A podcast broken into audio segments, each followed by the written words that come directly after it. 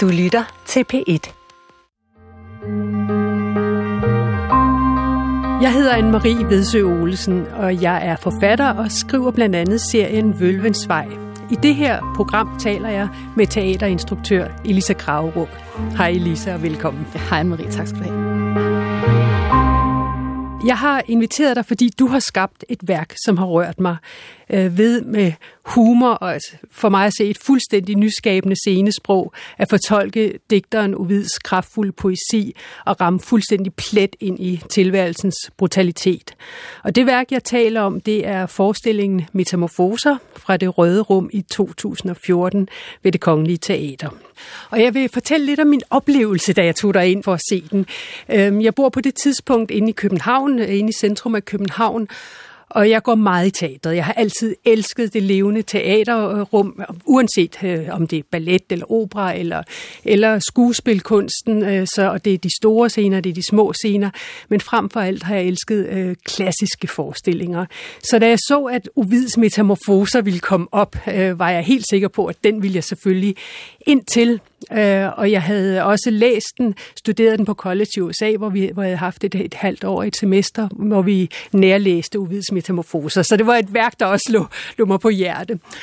Og øh, så jeg købte billetter i god tid, og det er jeg virkelig glad for, for så kom premieren, og så kom der nogle fuldstændig overstrømmende anmeldelser, kan jeg huske. Og billetterne blev så revet væk til samtlige forestillinger efterfølgende.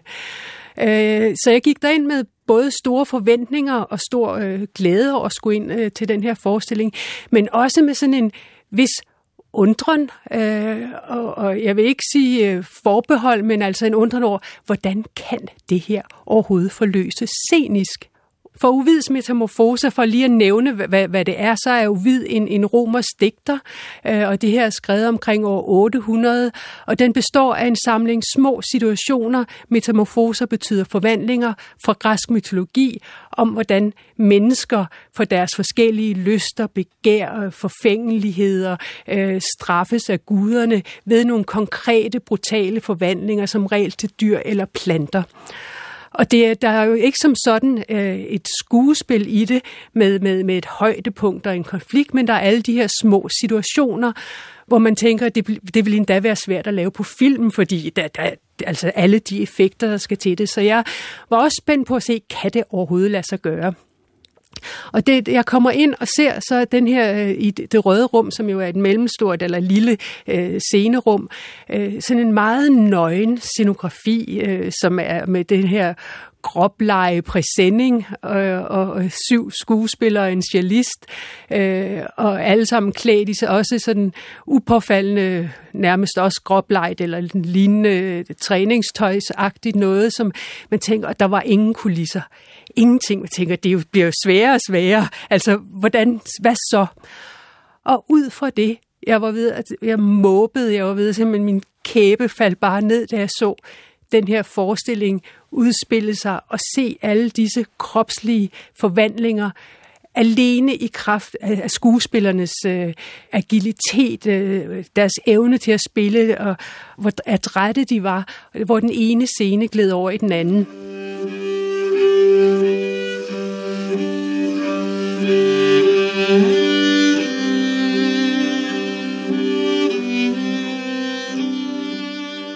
Og for, for lige at prøve at præcisere helt konkret, hvad det er, man ser, så er der nogle af, af, af Ovids øh, metamorfoser, som er mere kendte end andre, men øh, for eksempel fortællingen om Narcissus, øh, Øh, som øh, afviser nymfen øh, Ekos tilnærmelser, og som straf ender med at blive forelsket i sit eget spejlbillede, og han forvandles i øvrigt til en blomst øh, hos Ovid.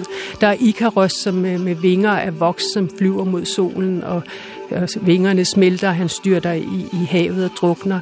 Hermafroditus, som er søn af Hermes og Afrodite, her er navnet, øh, som øh, ikke vil vide af en, en, øh, en nymfes tilnærmelse, Salmakis hedder hun, hvorefter hun klynger sig til ham, og de smelter sammen, og derved bliver tvikønnet, og deraf har man begrebet hermafrodite i dag. Eller akteon, jæren akteon, som øh, ser gudinden Diana bade nøgen, og det er aldeles forbudt, så hun forvandler ham til et, øh, jeg tror det er en hjort, så vil jeg huske, ikke? Ja, en døjhjort. Så hans øh, egen hundekobbel øh, angriber ham og, og flinser ham. Så øh, der sker grusomme ting med de her folk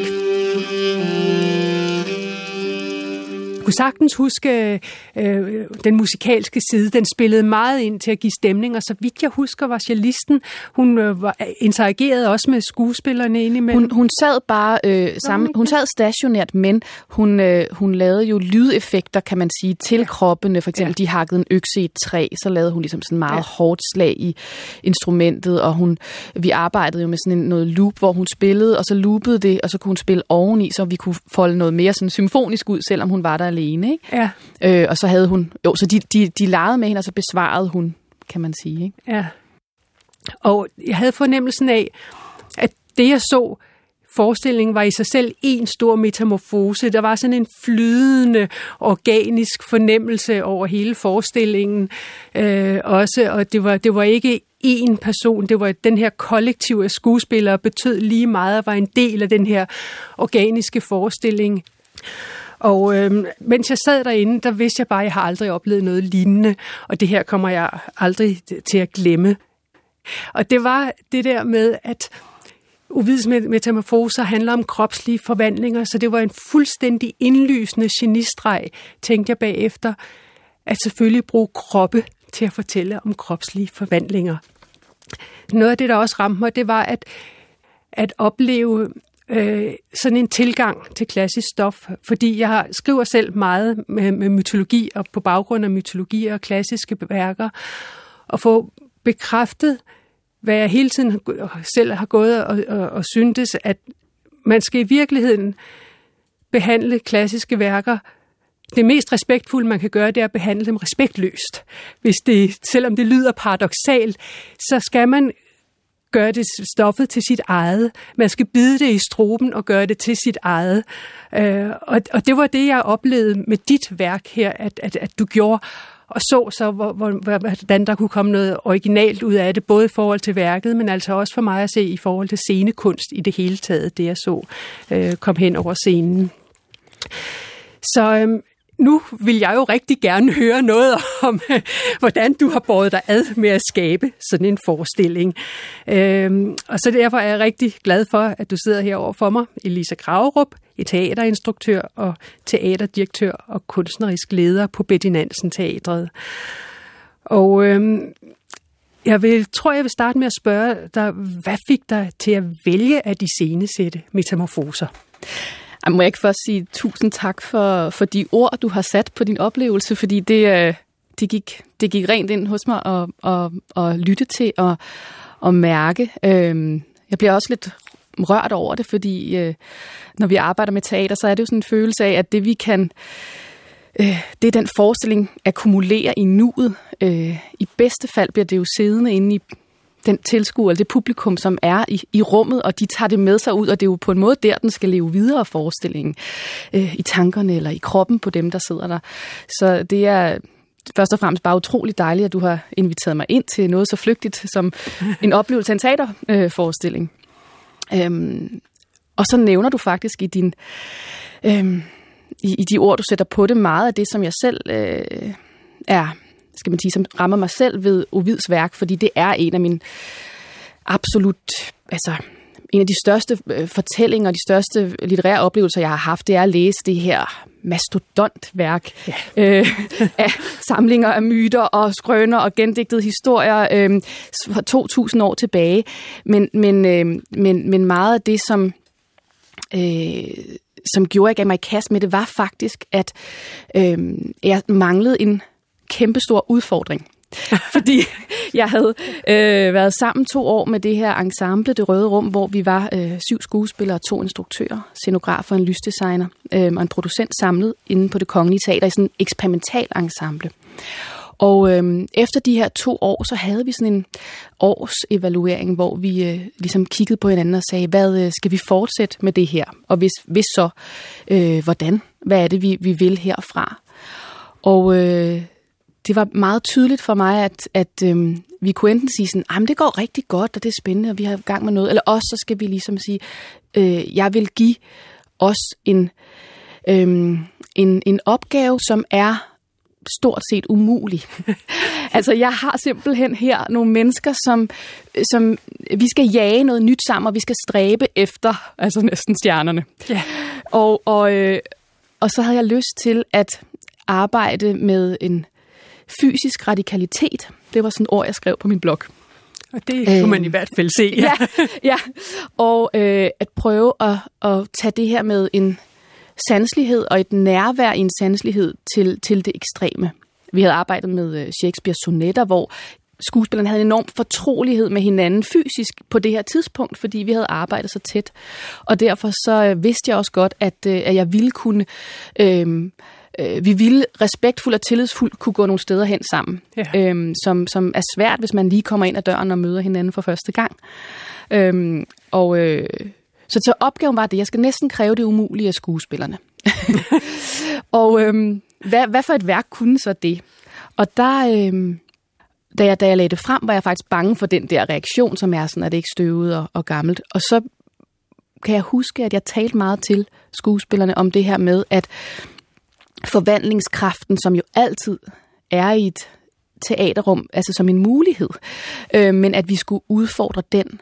Og der tændte jo ret umiddelbart noget, når man siger sådan, altså I skal få mig til at tro på, at, at øh, du, Johanne, forvandler sig til en svane, eller et træ, eller bliver til en flod, eller... Ja. Altså, og der er noget med det der, hvor man siger, det åh, det kan man jo ikke, men, men den der, det pirrede jo en eller anden lyst hos os alle sammen til, at vi skulle strække os, tror jeg. Ja.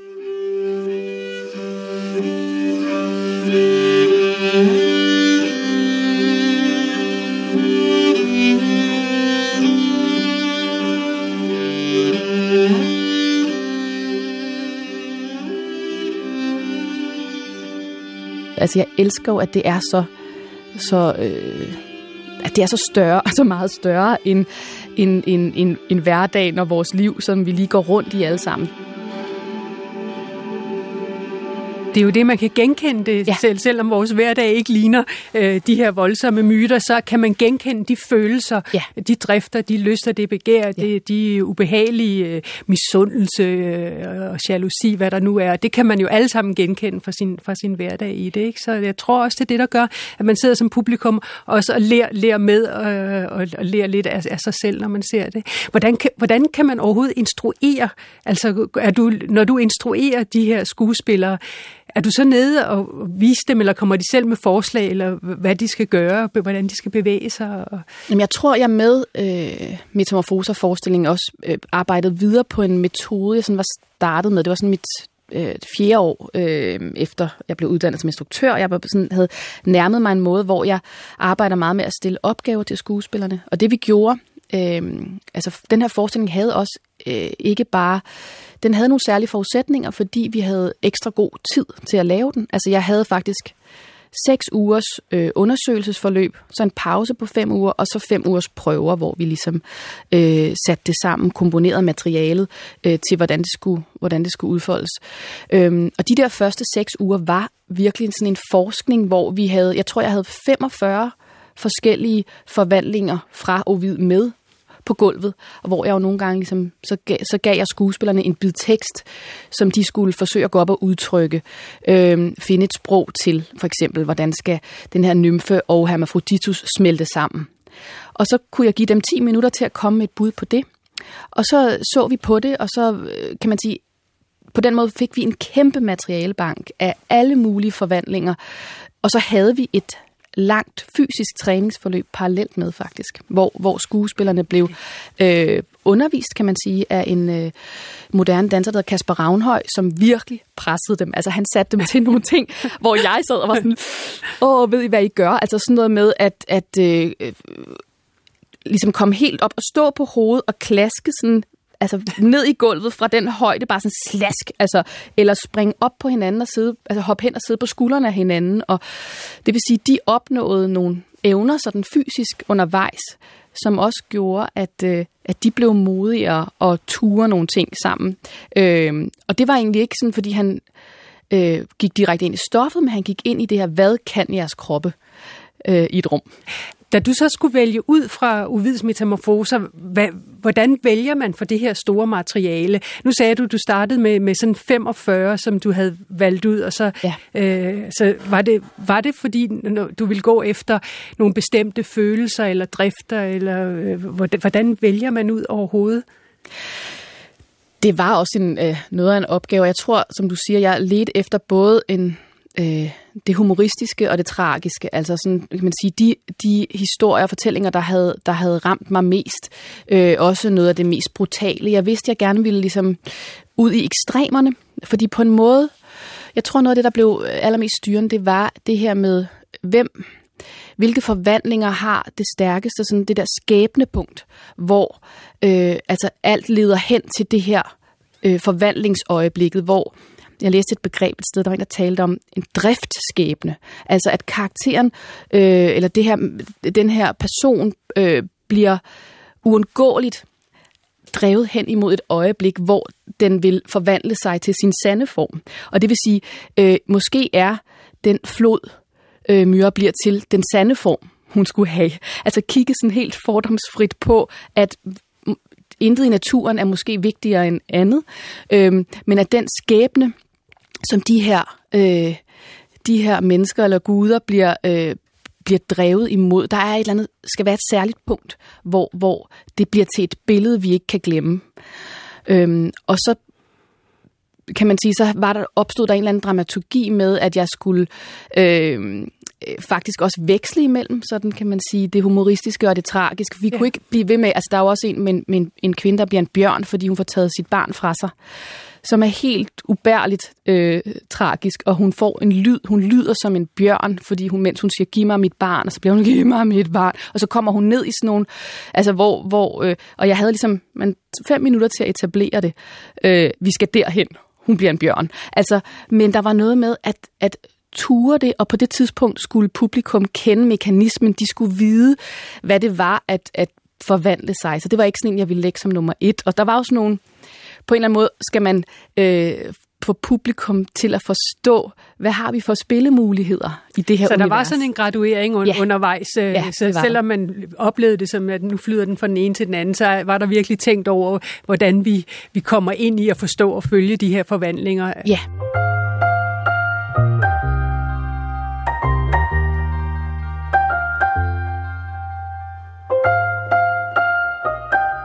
Øhm, det her med, øh, med at tage en klassiker, som Uvid jo er, øh, du, har, du arbejder jo ganske ofte med klassikere, det har, har, har jeg lagt mærke til, øh, og, og Shakespeare også. Og hvornår kan du mærke, at en klassiker vil os noget i dag? Øhm, øh, jeg er jo meget vild med det her urstof, som vi, som vi på mm. en eller anden måde alle sammen er rundet af. Øhm, og øh, altså det er jo noget med at bruge sig selv som barometer på en eller anden måde. Kan jeg mærke en nødvendighed? Får jeg sådan, når jeg læser om det her menneske, kommer der en eller anden knugen i min mave omkring, nej, du må, du må ikke gøre det, eller øh, at, at, øh, at jeg bliver... Øh, ramt i enten min egen smerte eller øh, lidenskab. Eller sådan. Altså, det er i virkeligheden en meget fysisk oplevelse, jeg har, hvis jeg kan mærke, at det her det vil mig noget. Ja. Øhm, og det er ofte meget... Øh, forbundet med drifter. Selv hvis det er noget, man siger, gud, det var, var det dog øh, en, en super aktuel forestilling, som Anne mod Farm, jeg lige lavede for nylig her, så er det jo stadigvæk nogle væsner på scenen, som er meget, meget drevet af, af deres drifter. Ja. øhm, så den, den der fysiske oplevelse øh, er meget vigtig. Ja. Altså det med, det med urstof, det er jo vildt fascinerende, synes jeg selv, at arbejde ud fra, øh, når man skaber fortællinger. Øhm, jeg har som regel med, i mine egne romaner arbejdet meget med mytologier, både egyptisk mytologi og nordisk mytologi, og en smule med græsk mytologi, og også med klassiske værker. Og der er en eller anden kraft øh, samtidig med, at det er øh, i urstoffet, samtidig med, at det er de her storslåede fortællinger, hvor der, det er farvestrålende, de er eventyrligt og højt til loftet, konflikter bliver, øh, kommer ud på sådan et meget stort plan, hvor man meget tydeligt kan se dem. Øh, og, og, og det, der er jo en grund til, at man kalder noget for en mytologi, øh, fordi det stadigvæk har en betydning den dag i dag. Så øh, at, at forsøge at dykke ned i sådan noget stof i dag, øh, synes jeg også er noget af det mest interessante, man kan gøre selv, at prøve at dreje rundt omkring det og finde ned til nogle, nogle helt øh, grundlæggende drifter og følelser i det, øh, og spejle det i forhold til den nutid, man nu engang befinder sig i. Og det er sådan noget, jeg selv prøver at gøre i, i mine romaner, senest i Vølvens Vej, hvor, hvor jeg øh, behandler nordisk mytologi og, og prøver at spejle de nordiske myter i, i nogle menneskers liv, men samtidig også øh, lade dem syre ud et andet sted i forhold til, øh, hvor vi er hen i, i, i nutiden. Men altså, der er en kraft øh, og et lys i, i de her grundfortællinger, som, øh, som simpelthen stråler så stærkt, og som er værd at blive ved med at tage op og genfortælle, synes jeg. Øhm. Så sagde du det her med, med respektløsheden. Ja. Hvordan optager du, jeg bliver bare nysgerrig på, inden du begynder at sige, okay, nu kan jeg smide det væk og, og digte mit eget, hvordan optager du materialet sådan? Øh, ja, øh, i virkeligheden tager jeg det meget løbende, øh, øh, mens, jeg, mens jeg skriver og, og, og læser løbende på det. Øh, men, men det, skal, det må aldrig være sådan, at det, jeg laver, tænker jeg, må gå hen og være, skulle være fagligt korrekt. Det skal være tværtimod, og det skal bruges til, at noget bliver vildt voksende og bliver, bliver frodigt og lever i sig selv og bliver en ny fortælling. Så, øh, så der er så mange, der tit spørger til, nej, men er du ikke bange for, bliver det nu også rigtigt? Det er ikke spor vigtigt, om det er rigtigt, når man skaber øh, en, en, en fiktionsfortælling. Det er meget vigtigere, end der er nerve, at fortællingen sidder, øh, at, at det lever, at sproget, sproget bliver godt. Og det er i virkeligheden meget mere interessant også, hvis, hvis det bliver vredet et sted hen, hvor det pludselig giver nogle nye og skæve vinkler på, på stoffet. Jeg bruger meget den poetiske etter for tiden øh, til, mm. til Vølvens Vej, som består af de her nogen 60 øh, vers, Øh, og og øh, jeg er ved at skære alt andet væk, så jeg er helt nede i grundstoffet, og væk med alle opslagsbøger og forklaringer, men bare tilbage til de autentiske linjer fra blandt andet Vølvens Spottom, men også andre tekster fra den poetiske Edda, som er tekster fra 1200-tallet. Og, og så citerer jeg ind imellem fra dem, så, så folk kan fornemme, hvad er råmaterialet. Øh, så de, de popper op i bogen, så man stadigvæk forstår, hvad er råmaterialet, som, øh, øh, som det her sit bitre over, forhåbentlig som det gør, når jeg så selv vrider det et andet sted hen, eller, eller, eller bruger løs af det. Men jeg har altid synes, at man skulle øh, sådan nærmest være bide det i struben og ruske det stoffet for, for at få sit eget ud af det. Øh, og man, man aldrig nogensinde må være bange for det, tværtimod. Nej, og der er jo også det her, ligesom med Ovid og, og, og Shakespeare, når man taler i dramatikken, de stjal jo med arme og ben, ikke? Altså ja. alt er jo smidt ind ja. i de her værker, fuldstændig sådan lystfuldt og frit og ja. lejende. Øhm, og det, øh, det er lige præcis, tænker jeg, det samme med, med mytologierne der. Det er jo også øh, noget, som har, det, det har selv stjålet så meget fra ja. og, og blevet overlevet så mange gange, som, som netop ikke at være bange for det. Det er nemlig det, og, og, der, og skjalle digter videre på stof og fylder på, og har altid gjort det op gennem tiden, og mm. så er man bare en moderne skjald, som ja. Øh, bygger ja. endnu mere på og fylder endnu flere huller ja, ud og kommer ja. med. Og, og, og, det, og det er sådan, jeg kigger på det. Jeg er simpelthen bare en moderne skjald, som fortsætter Snorri Sturlason og fortsætter øh, med, hvad, edderne, hvad, hvad den poetiske edda har gjort, og, og tillader mig at fylde huller ud og digte til på den måde der. For, og det er sådan, at stoffet øh, går hen og bliver levende og får en, får en værdi den dag i dag, tænker jeg. Ja, fedt. Elisa, nu har jeg så delt et værk, som jeg blev ramt af, øh, og jeg kunne godt tænke mig at høre, har du et værk, som du er blevet særligt ramt af? Ja, det har jeg, øh, og jeg har, jeg har tænkt meget selvfølgelig, fordi nu er litteratur jo din vej, og jeg er selv utrolig påvirket af øh, litteratur og øh, musik især, tror jeg, i min, øh, i min skaben som teaterinstruktør. Og jeg tænkte, er det den unge værters lidelse, som jeg... Øh, som jeg blev utrolig ramt af, da jeg læste den som 17-årig, eller skulle det være Tove Ditlevsen, som jeg har arbejdet med. Men så i nat vågnede jeg, og havde bare sådan en, et værk, der poppede op i mit hoved. Det er, en af, det er helt klart den første øh, scenekunstoplevelse, jeg kan huske, fordi jeg er bare øh, seks år, da jeg, øh, da jeg oplever den. Og øh, det er ikke en børneforestilling. Øh, jeg er med min far, som er kapelmester og musiker i, i Aalborg, hvor han øh, øh er hus, øh, skal man sige, huskapelmester, og, og det er han på en forestilling, som Peter Langdal lavede, øh, Voltaires Candide, øh, sådan 1700-tals roman, og det er Leonard Bernstein, som øh, også har lavet musikken til West Side Story, der har skrevet den her vidunderlige musik til øh, en operette, som altså hedder Candide. Og øh, jeg, kan, øh, jeg husker sådan en forestilling i glemt, fordi jeg som sagt ikke var så frygtelig gammel. Altså, og jeg tror, øh, jeg husker det som om, at jeg, øh, at jeg ikke havde nogen voksne ved siden af mig. Det kan godt være, at min mor var med, men det, det, det har fortonet sig fuldstændig. Hvad, hvad jeg virkelig husker, er at sidde i et teaterrum øh, med en... Øh, det er sådan total teaterscenografi, hvor øh, vi som publikum sidder hele vejen rundt om scenen. Og øh, musikerne sidder ligesom sådan halvt nede i gulvet, og det vil sige, at deres overkroppe popper ligesom strider op af gulvet. Og øh, skuespillerne og sangerne løber ligesom rundt i hele rummet i de her vilde 1700-tals kostymer med parrykker og puder og kaster sig ud i den ene øh, vilde arie efter den anden. Og øhm, det, som nok er mest slående for Elisa 6 år, det er den her oplevelse af, at voksne mennesker også leger sammen.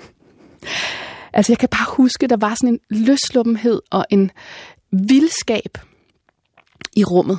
Øhm, og de kaster sig over hinanden som sådan små hundevalpe. Der, altså der var en enorm, tror jeg, altså liderlighed er vel ordet i den her forestilling, fordi det hele også er, som vi snakkede om, med drifter og begær, de ikke kan styre. Og, og øh, så er det jo en historie, hvor som starter med, at alle øh, tænker, vi lever i den bedste af alle verdener. Og i løbet af forestillingen møder de ligesom verdens brutalitet.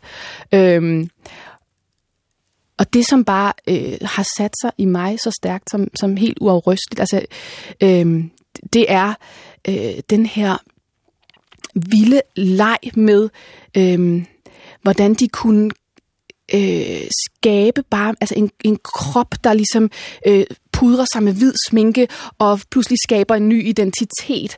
Øh, og at, at der var sådan en... Øh, ja, som sagt, det var næsten som at se børn, der tonsede rundt med så meget glæde og fortællelyst og øh, vildskab og, og, og begær. Og jeg tror jo ikke, jeg forstod jo ikke halvdelen af det, men jeg forstod noget om energien, og jeg forstod noget om mennesker, som leger helt alvorligt sammen. Og var det i virkeligheden så også der, du fik sået lysten til at arbejde med teater, tror du, som lille pige? Ja, det tror jeg. Jeg tror, der var noget i, at øh, den der alvorlige leg, som at, at, at opleve, at kunne tænke, at de her voksne er, er gået herind og har lavet det sammen. Og så selvfølgelig, musikken er også helt utrolig. Altså på vej herhen lyttede jeg til overturen nede i metroen. Og stod med tårer i øjnene, fordi det er så, så voldsomt, ligesom sådan Figaro's bryllup overturen. Det har sådan en kæmpe kræfter. Øh, og, og, og, og skiftende takter og, og leger meget med al, alle mulige, sådan, altså helt øh, usensureret føles det.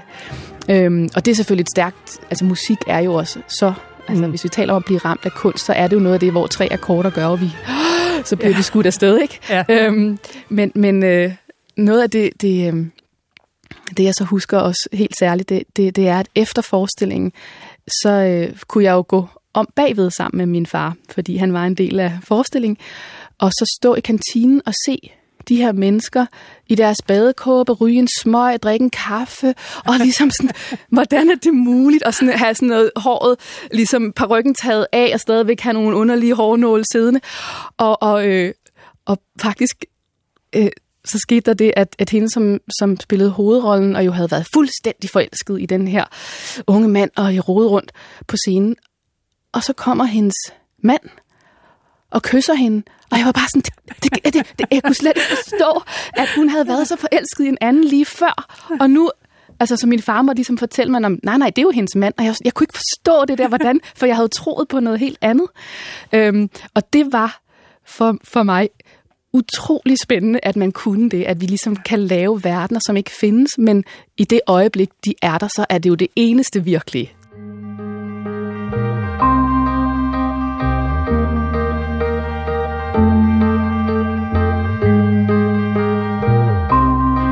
Vil gerne sige utrolig stor tak til dig, Elisa, for at komme ind og tage snakken med mig om dit værk Metamorfoser i Røde Rum. Det har været en stor fornøjelse til at høre dig fortælle om det. Jamen, tusind tak for, at du inviterede, og det var også meget, meget særligt at få lov til at genopleve det sammen med dig. Det gjorde jeg faktisk virkelig, så tusind tak. Det her var Ramt af kunst med teaterinstruktør Elisa Kragerup og mig. Jeg hedder Anne-Marie Vedsø Olsen, og jeg er forfatter.